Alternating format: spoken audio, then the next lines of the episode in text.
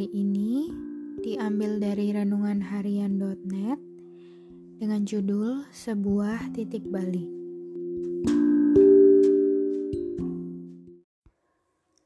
Keluaran 2 ayat 11 sampai 22. Musa membela bangsanya. Ia lari ke tanah Midian. Pada waktu itu, ketika Musa telah dewasa, ia keluar mendapatkan saudara-saudaranya untuk melihat kerja paksa mereka. Lalu dilihatnyalah seorang Mesir memukul seorang Ibrani, seorang dari saudara-saudaranya itu. Ia menoleh ke sana-sini, dan ketika dilihatnya tidak ada orang, dibunuhnya orang Mesir itu, dan disembunyikannya mayatnya dalam pasir. Ketika keesokan harinya ia keluar lagi, didapatinya dua orang Ibrani tengah berkelahi. Ia bertanya kepada yang bersalah itu, "Mengapa engkau pukul temanmu?"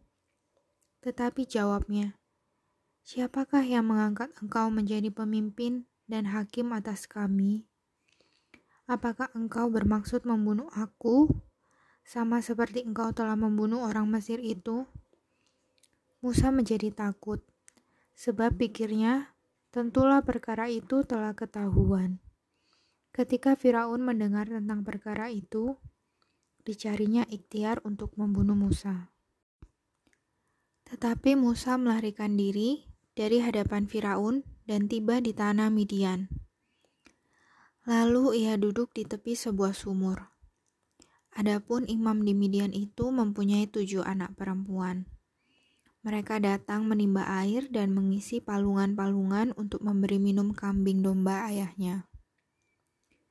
Maka datanglah gembala-gembala yang mengusir mereka, lalu Musa bangkit menolong mereka dan memberi minum kambing domba mereka. Ketika mereka sampai kepada Rehuel, ayah mereka, berkatalah ia, "Mengapa selekas itu kamu pulang hari ini?" Jawab mereka, Seorang Mesir menolong kami terhadap gembala-gembala. Bahkan ia menimba air banyak untuk kami dan memberi minum kambing domba. Ia berkata kepada anak-anaknya, "Di manakah dia? Mengapakah kamu tinggalkan orang itu? Panggillah dia untuk makan." Musa bersedia tinggal di rumah itu, lalu diberikan Rehuela Zipora anaknya kepada Musa. Perempuan itu melahirkan seorang anak laki-laki.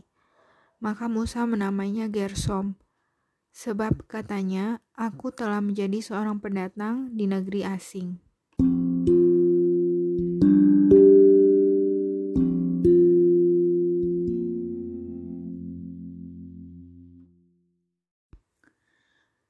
Banyak orang mengenal Julio Iglesias sebagai musisi kondang. Tapi mungkin hanya sedikit orang yang tahu jika Julio memulai karir sebagai seorang pesepak bola di Madrid. Karir sepak bolanya berakhir ketika ia terlibat dalam sebuah kecelakaan mobil. Julio sangat frustasi karena kecelakaan itu dan membuatnya lumpuh selama dua tahun. Hingga seorang perawat memberinya sebuah gitar untuk membantunya melewati masa-masa sulit. Siapa yang menyangka hari itu menjadi sebuah titik balik dalam hidupnya. Julio yang tadinya tidak punya inspirasi dalam bermusik, kemudian menjadi seorang yang sukses besar dalam industri musik pop dunia.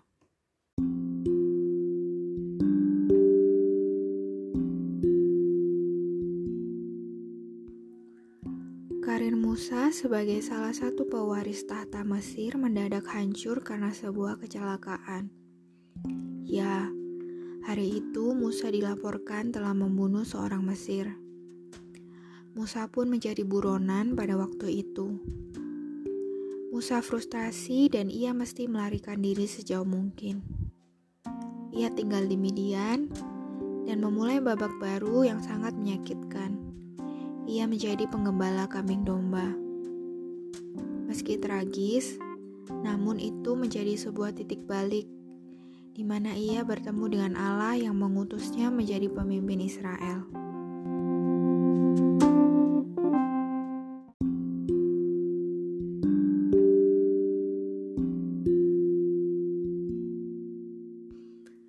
Karir yang kita bangun bertahun-tahun bisa hancur dalam sekejap. Harapan kita pun lumpuh karenanya. Dalam keputusasaan, mungkin kita berpikir bahwa perjalanan hidup ini sudah berakhir. Tetapi tidak demikian dengan Tuhan. Tuhan bisa memakai sebuah kecelakaan menjadi sebuah titik balik yang akan mengubah hidup kita.